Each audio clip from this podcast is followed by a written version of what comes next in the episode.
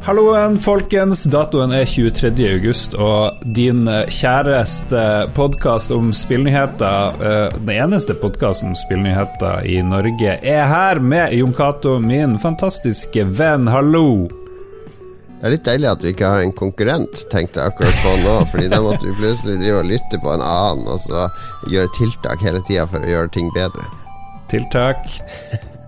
Vi må ha, lage beslutningsgrunnlag og uh, utrede tiltak som vi kan iverksette for å forbedre innholdet i vår podkast.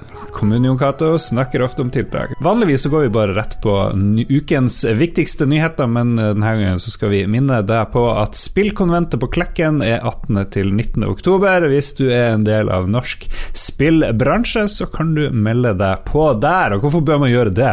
Nei, da får du eh, Jeg skal jo ha keynote, så det er jo sikkert grunn nok i seg sjøl. Nei, da hovedgrunnen til å være der er jo å møte andre norske spillutviklere, for nå har vi levd i våre egne bobler i eh, ett og et halvt, snart to år, i mars neste år, så det er kanskje på tide å komme ut og snakke litt om eh, hvordan ting har gått, Ja. og hva som skjer. Og Ja. bli inspirert og oppmuntre hverandre. Helge og begge oss to skal etter plan være der, så, så lenge verden holder eh, så vidt stand, og vi ikke får Hva kommer etter? Delta-versjonen? Er det Ekko? Lambda.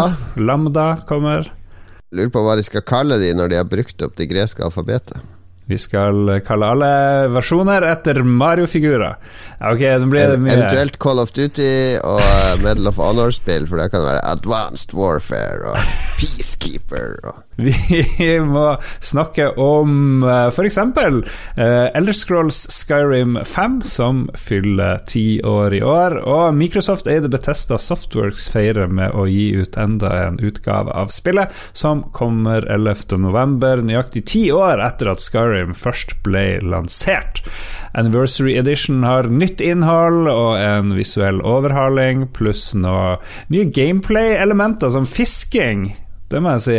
Nye oppdrag og som vanlig masse mods laga av spillere. Og jeg vet ikke hvor mange versjoner jeg har. Hvor mange, vet vi hvor mange som fins?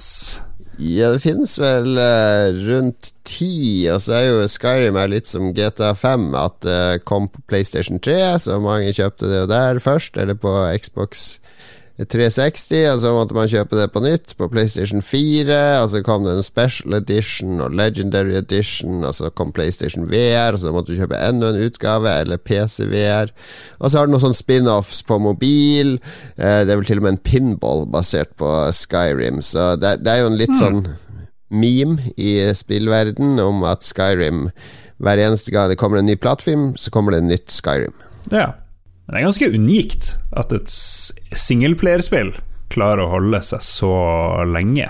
Det er, jo, det er jo helt vilt. Jeg lurer på om det har noe med at det er mye At det er, veld, at det er store muligheter for å modifisere det, at folk kan lage nytt innhold hele tida og sånne ting. Ja, det har vært mye av drivkraften på PC. Altså er det litt sånn mestringsspill, tror jeg, som folk liker å spille på litt prøves å spille gjennom på ulike måter, med ulike, ulike tilnærminger. Men det som er litt interessant, er hvis du ser på Altså Elder Scrolls 1 til 4 Fire ulike spill i serien. Det, det gikk tolv år fra første Elder Scrolls til Elder Scrolls 4 Oblivion. Og nå har det altså gått ti år siden uh, Skyrim. og det har fortsatt ikke kommet et nytt Elder Scrolls. Og det her er ikke Ja, bare hvorfor det? er Skyrim. jo veldig rart. De klarte å gi tre GTA-spill på PlayStation 2. Altså GTA 3, Vice City og San Andreas. Alle de kom i én konsollgenerasjon. Mens PlayStation 5 Det har liksom vært på PS3, PS4 og PS5 nå. Og det er fortsatt ikke noe tegn til et Grand Theft Auto 6. Så det er litt sånn pussig at uh, Jeg skjønner at ting tar lengre tid, for det er mye, mye mer krav til grafikk og realisme og, og alt sånn. Men uh, det er likevel absurd lang tid. Jeg tror jeg kanskje mye handler om at forretningsmodellen for singleplayerspill er veldig, veldig usikker nå. Altså GTA 5 Ja. er jo egentlig rent multiplayer-prosjekt, har det blitt, gått over til å være. Så skal du lage et singleplayerspill nå, med disse størrelsesskalaene, så er det eh, det er høy risikofaktor. ja, men samtidig så er jo beviset her at de gir ut 18 utgaver av Skyrim. Det burde jo være en enkel sak å tenke at ja, ja, da nytt Elder Scrolls, det skal bli like populært. Det er som å si at Marvel-filmene går så det suser, så da, skal, la oss finne opp noen helt nye superhelter. Altså lage en film om de, som ikke er forankra i nostalgi eller er etablert suksess. Det er jo kjemperisiko, ikke sant? Du tar mm, ja, ja. ja det, det, det, er mange faktorer her, så jeg håper jo det kommer både L Scrolls 6 og GTA 6 en eller annen gang i, i framtida, men uh, virker som de vegrer seg for å, å bruke for mye ressurser på det. Vi nevnte Grand Theft Auto i forrige nyhet, og da sklir vi rett over på at Rihanna Pratchett, datter, må vi jo ta med, av en av de store fantasyforfatterne, Terry Pratchett, sier at hun er skuffa da hun uh, fikk vite at uh, alle hovedpersonene i GTA 5 var menn, da den nyheten kom for lenge, lenge siden. Og Jokato, eh, noen kommer, til å si, kommer og sier til deg når du lager GTA 5 dette er for mange kvinner, du får ikke lov til å ha, gjøre slik du vil. Har de et poeng? Uh, de har et poeng, men uh, det er ingen som Eller ikke, ingen kan komme og fortelle noen hva de skal og ikke skal ha med og ikke ha med i spillene sine. Det må være opp til de som lager de sjøl. Men det betyr ikke at spillene er unntatt fra å bli kritisert for manglende mangfold, eller uh, at de projiserer litt usmakelige verdier, eller at ja, alt mulig annet. Fordi hvis du skal lage kulturuttrykk, så må du jo også eh, godta at man kan komme med kulturkritikk. Og det er helt legitim kritikk av GTA5 at eh, det kun handler om menn. Og så kan man på den andre sida uh, gjøre Altså, min opplevelse av GTA5 er jo at det er et spill om uh, den moderne mannsrollen, og hvordan den egentlig er i fullstendig krise, fordi de tre hovedpersonene representerer tre aspekter av den moderne mann, så der ingen klarer å finne sin plass i samfunnet. Uh, og, ja. og, har kasta inn uh, en fallitterklæring. Så ja. sånn sett så mener jeg at som kulturuttrykk så er det uh, jeg, jeg syns det er en ganske god take på den moderne mannsrollen, men det, det, det, kunne vært et annet type spill med annen tematikk ja. og alt mulig, selvfølgelig. Hun, uh, Pratchett hun, uh, hun, blir jo presentert alle argumenter under himmel og jord, bl.a. det her at det handler om mannlig maskulinitet. Og så Hennes svar er jo da at det finnes mange filmer og andre ting om mannlig maskulinitet, samtidig som det finnes kvinner i fremtredende roller. Så det, man kan uh, få til begge deler. Men jeg syns det er helt legitimt, eh, det du sier. Det, det, ville nok blitt et litt annet spill. Ville det blitt et dårligere spill? Det er jeg veldig usikker på. Det tror jeg egentlig ikke. Nei, men det, det, det, jo, må jo være rom for alt mulig. Og jeg er helt enig i at den historien om eh, mann eller pappaen, som også har vært et tema i spill i det siste, med God of War og flere andre Last of Us, der du liksom er farsfiguren, som, som noen mener er et resultat av at nå har utviklerne blitt uh, så gamle at de har fått barn, så nå driver de og lager historier om det. Uh, det er helt ja. legitimt. Det, det, er helt legitimt å poengtere at de er overfortalt historiene om det mannlige perspektivet. Det er vel mer det det går på. Morsrollen, hvor er den? Ja, det er et godt poeng. Det mangler gode historier fra det andre perspektivet som tar høyde for det. Og Rihanna Pratchett har jo bidratt til å fortelle disse historiene. Hun var jo med på Tomb Raider-rebooten med, med, den yngre Lara Croft, Mirror's Edge og andre spill som, som re kanskje representerer litt mer mangfold. Ja. Så, så vi, vi, trenger bare mer av alt, uten at dermed alle skal lage det samme som føyer seg i samme retning hele tida. Vi må ha alt mulig. Ja. Og så, når vi har fått morsrollen og alt det der, da skal vi ha transmor og transfarrollen osv. Men hvorfor ikke? Det kan jeg godt spille. Men det som er litt gøy med GTA5, er jo at uh, jeg så en veldig god take på det. Det er jo at de tre hovedpersonene i GTA5 de, de representerer jo uh, de mannlige, litt giftige gamerne. Fordi du har han som alltid sutrer og klager på at ting ikke går hans vei, og han ikke får det som han vil, nemlig han Franklin. Og så har du han som bare er sint og rasende hele tida, som egentlig har, eh, har, det kjempebra, men, eh, men, er sur og sint på alt og, og rasende hele tida, han eh, Michael. Og til slutt så har du han som bare er psykopat, han, han Trevor, og ikke har noen grense. Eh, så var det, det var en veldig god take jeg leste om det, at det, det, er jo Det er jo essensen av den der male gamer toxicityen på nettet. Sutring, eh, raseri og psykopattendenser med dokking. så, så, Rockstar var forut for sin tid. Hele spillet deres er et angrep på den eh, En kommentar på den giftige, eh, mannlige gamerkulturen. Over til noe eh, meget spennende. Nei, det er ganske spennende. Kulturdepartementet la under Arendalsuka frem en veileder som oppfordrer kommunene til å skape møteplasser for dataspill og datakultur, og de har fått hjelp fra organisasjonene Ungdom og Fritid, Ung Kultur Møtes, Tverga, Hyperion og Kandu, som har bistått Kulturdepartementet i dette arbeidet. Og målet er at man skal lage og gjennomføre uh, ulike aktiviteter rundt gaming, og da jeg leste litt i veilederen, så handler det om at Svært mange unge, 86% driver og spiller data. Mange av de som gjør det, de deltar kanskje ikke i ting som fotball og andre tradisjonelle aktiviteter for barn. Så da vil jo jeg si at det høres ut som en kjempegod idé. Er du enig? Ja, helt enig. Det er, um, det er jo en del av den uh, spillkulturmeldinga som Venstre begynte på. Uh, for et par år siden.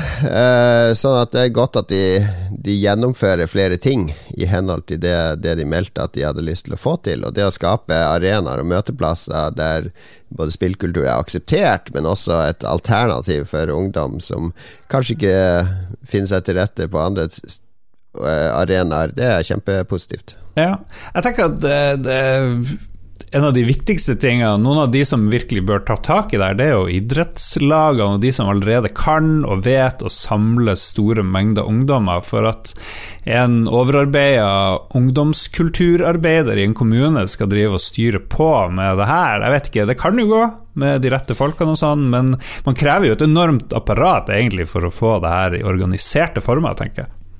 Ja, det er denne det er jo ikke en brosjyre, men en veilederen kan hjelpe til med, for den er jo veldig sånn praktisk anlagt med hva skal til for å gjennomføre, hvordan planlegge ting, hva trengs av utstyr, hvor kan man få tak i, osv. Så, videre. så jeg tenker jo både altså idrettslag Det er jo greit å ha litt fokus på det man holder på med, men sånn som ungdomsklubber og andre steder Ungdomsklubb for oss når vi vokste opp, det var jo bare et diskotek. Altså mm. Et sted du gikk for å drikke cola og høre på musikk. Klinedans på slutten. Viktig. Ja, noe, noe, sånt. Mens en ungdomsklubb i dag, den er mer basert på fritidsaktiviteter. Du har bordtennis, du kan ha PlayStation, du kan ha andre ting. Så at det å tilrettelegge enda mer for denne type kultur, som veldig mange barn og ungdom er opptatt av, er jo helt topp. Ja, hva, kan, hva er liksom din drøm, eh, dine drømmeutfall av, eh, av denne meldinga her? Og hvor viktig er denne meldinga? Kommer det til å ha noe effekt? Ja, det er jo bare at uh, spill og spillkultur får enda mer aksept i samfunnet. Det er jo det jeg har kjempa for i 30 år. Og jeg, vi, og jeg, gjør jo en del uh, for det her, men jeg gjør det liksom for en helt annen målgruppe. Jeg lager spillquiz for godt voksne. Jeg har Commodore 64 retroshow på et utested som som er 99% menn og en snittalder på 48, liksom. Så det er Jeg, jeg, jeg passer ikke på ungdommen. Altså det, jeg føler det, det kanskje ikke Kanskje burde jeg gjøre enda mer for uh, de yngre jeg bidrar jo på level up til en viss grad, og der er det ganske mange unge. Men jeg føler at andre må komme etter meg og ta eierskap over det her. De som har vokst opp med det og vet hva de vil få ut av det. Altså, jeg er gjerne med, jeg er gjerne med at spillkulturen kommer opp og frem i alle mulige kanaler. På e-sportsentre, på utesteder, på barer, podkastfestivaler. Eh, spillkultur hører hjemme stort sett overalt. Ja, Du sier at du håper noen kommer etter deg, så du føler at det er mye hvile på dine skuldre i norsk spillformidling i Norge? Ja, jeg er som den franske solkongen når det gjelder spillkulturformidling i Norge. Spillkultur, det er meg. Det sto det på T-skjorta mi i mange år. ja, morsomt. Det neste spillet i Call of Duty-serien heter Vanguard og tar oss tilbake til andre verdenskrig. Sledgehammer Games står bak, og utviklerne lover autentiske opplevelser basert på fiktive historier. Og det er Activision Blizzard som, eh, som står bak serien, og de har jo vært i hardt vær i det siste etter avsløring om ukultur, trakassering og dårlige arbeidsforhold, eh, spesielt for kvinner. Studiosjefen i Sledgehammer, som heter Aaron Halon, sa i presentasjonen av spillet at de er opptatt av velferd, likestilling og inkludering. Og det er jo interessant når et studio må si at vi driver ikke med trakassering, her er alt på stell, men sånn er situasjonen akkurat nå. En artig detalj er jo at det ikke alle muligens som vil at mediene skal skrive om sånne her typer nyheter. Når Activision-avsløringen kom, eh, så husker jeg i sosiale medier så var det en del eh, medier som mente at nå eh, Det begynte å snakke om vi skal boikotte og skrive om Activision frem til ja. dette er ordna, ikke sant. Mm. Vi kan ikke det er for så vidt en litt sånn der artig selverkjennelse at uh, vi, er, vi som media er egentlig bare et markedsføringsverktøy for disse store selskapene, så da skal vi altså slutte å skrive om de. Catch ja. 22 jeg kom inn på her akkurat nå for media. Men ja, de skulle i hvert fall være for, Eller endre måten de omtalte Activision på. Uh, ikke, ikke, la, ikke, feie det her under teppet, men løfte det fram igjen og igjen, kanskje, eller rett og slett droppe å omtale Activision. Ja, ok. Ja, men da skjønner jeg hva du sier. Ja, det, det var en del snakk om boikott, men jeg tenker Skal pressen drive med boikott av noe som helst? I utgangspunktet så skal man jo rapportere om ting som er viktig for sitt publikum. Det er jo en oppgave. og å drive og dysse ned noe. Da må man jo heller sette fokus på, på de temaene man føler man er viktig. Ja, hvis du anser, anser deg sjøl som journalist og presse og skal være uavhengig, så skal du jo selvfølgelig være med og sette fokus på det her og ha litt distanse til det. Men hvis du, hvis du driver et medie og, og sier at vi skal, ha, vi skal ikke ta imot annonser fra Activision Blizzard. Vi skal ikke ta imot penger fra det selskapet mot å vise bannerannonser for deres produkter. Det er også en type boikott, ikke sant. Det tror jeg ingen ja. medieselskaper har snakka om. Det er mer sånn redaksjonell boikott, og det i mitt hode er litt rart. Ja, Det høres veldig rart ut. Litt misforstått. Hvis det du har drevet på med er bare å viderebringe pressemeldinger, så skjønner jeg at da da er man kanskje på ville veier i utgangspunktet, i hvert fall hvis det er kun det man holder på med. Så her må man ta tak og finne ut hva, hvorfor holder vi på med det vi holder på med. Ja, og så må du benytte anledninga til å løfte dette temaet, og det var vel derfor han, Aron Halon introduserte hele presentasjonen av spillet. Altså, han begynte presentasjonen med å adressere det her. Og han kan jo selvfølgelig ikke adressere direkte den pågående rettssaken mellom uh, California og og Activision Blizzard, men han brukte mye tid på å forklare eh, hva slags kultur de har i selskapet, hvordan de jobber sammen, hvordan de er opptatt av velferden og alt til de ansatte, og erkjente at dette blir en litt rar overgang til å nå snakke om et krigsspill, men eh, sant, han, han, prøvde å slukke brannen før spørsmålene kom, ikke sant? Det, noe annet ville vært Hadde han bare begynt rett på, hadde de bare begynt rett på, så ville det vært rart. Så det er jo en erkjennelse her med at de tar det alvorlig nok til at de skjønner at de må snakke om det.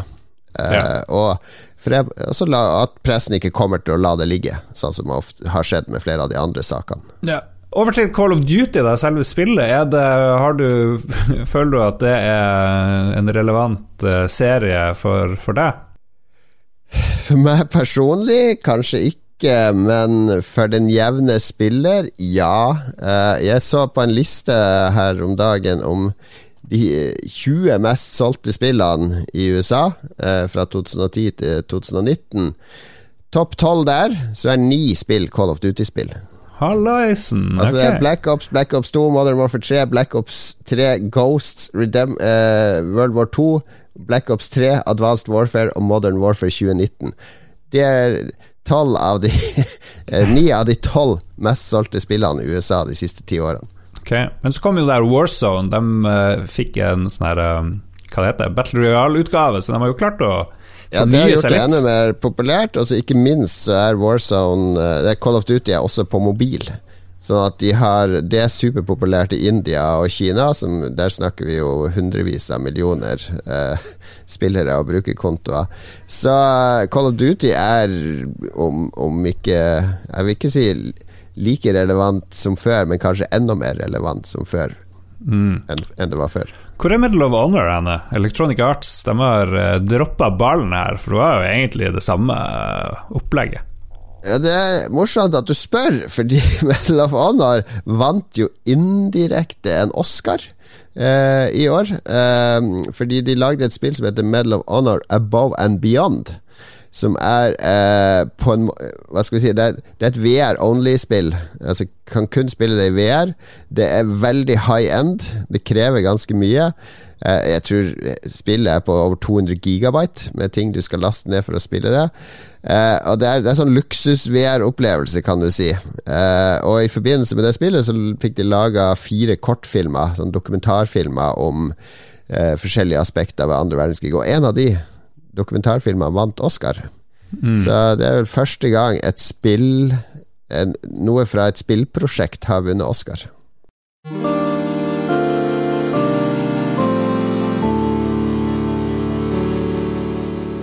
Vi bruker å se på spillene som eh, har kommet nylig eller er på vei, og denne uka her så er det tre spill som eh, vi skal nevne, og du driver og spiller det ene, og det har lanseringsdato 25. august.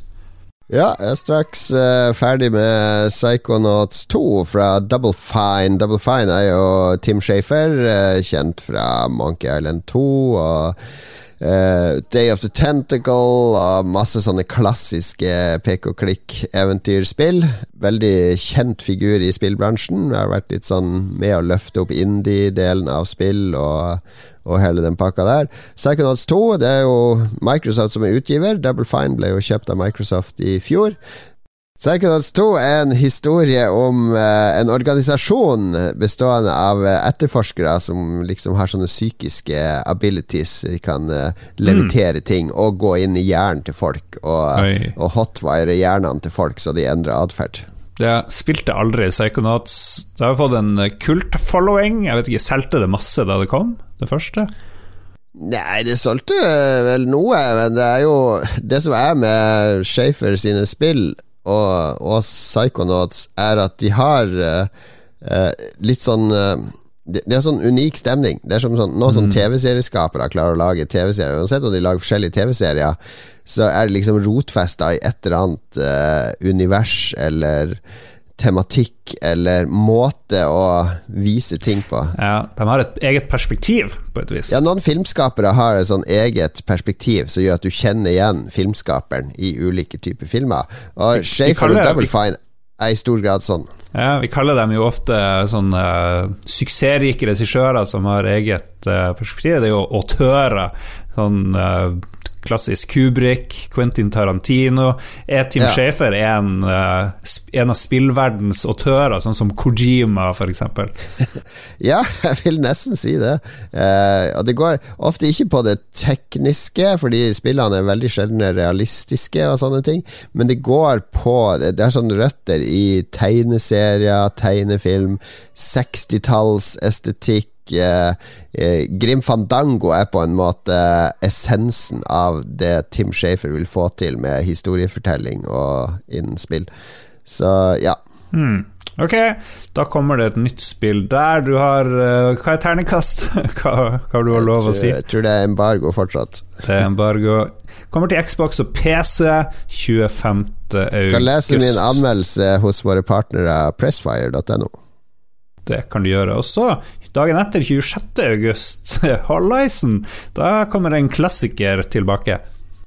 kommer Myst i 2021-utgave. Myst var jo dette spillet som eh, eh, sørga for at CD-rom salget skøyt i været, for det var et av de første PC-spillene som du kun kunne spille på CD-rom. Fordi hele CD-rom-plata var full av sånne pre-rendra bilder av denne øya du skulle utforske.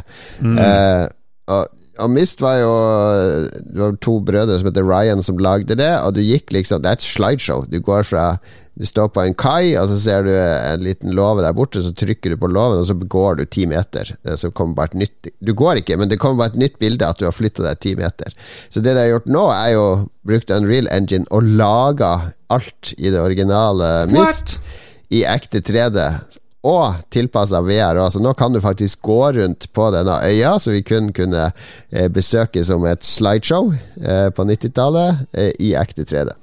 Ok, spennende. Jeg hørte en podkast med de her skaperne, og de fortalte at det å lage sånne videospill back in the days eh, på 90-tallet, det var ikke så enkelt, fordi i dag så kan du jo se det du tegner live på skjermen, stort sett. Da så måtte de bare programmere hvor er lyskilden, hva er fargene, og så måtte maskinen rendre i noen timer for å få ett bilde, og så, så fikk de se hvordan det så ut. Mye har, skjedd siden da. Da har vi kommet til veis ende i Spillrevyen for denne uka. Du kan også høre på våre andre podkast, Lolbua, og så har vi eh, noen folk vi samarbeider med, veldig mange vi samarbeider med. med. Pressfire må du høre, eller ikke høre. Jesus. Vi samarbeider med mange, annet Pressfire. Les dem daglig. Støtt norske spillmedier. Det kan du gjøre på Patrion for vår del, og Pressfire. Sjekk ut det. Du må høre på vår eh, underpodkast Ragequit, en helt forferdelig gjeng som gjør mye umoralsk. Der er det faktisk en spesialepisode som kom på søndag, kun om Skyrim. Det var før vi visste at, eh, at det kom et uh, sånn her tiårsjubileums. Derfor forsvant jeg. Jeg ble så emotional av å snakke med ja. Skyrim. ja, ja. Nei, sjekk det. Der har vi med en ekspert. Takk for at jeg ble invitert med der. Er det noe mer vi bør tilføye, Jon Cato, før vi sier farvel? Du skal jo komme med et råd til lytterne. Ja, rådet mitt er selvfølgelig å eh, booke plass på spillkonventet. Jeg er jo ikke inhabil i det hele tatt. Jeg, ikke, jeg, skal jo bare ha en talk der, og vi skal være der. Men uh, husk at spillkonventet kommer i oktober, så hvis det passer og klaffer for deg, ta turen. Helje. Vi snakkes. Ha det bra.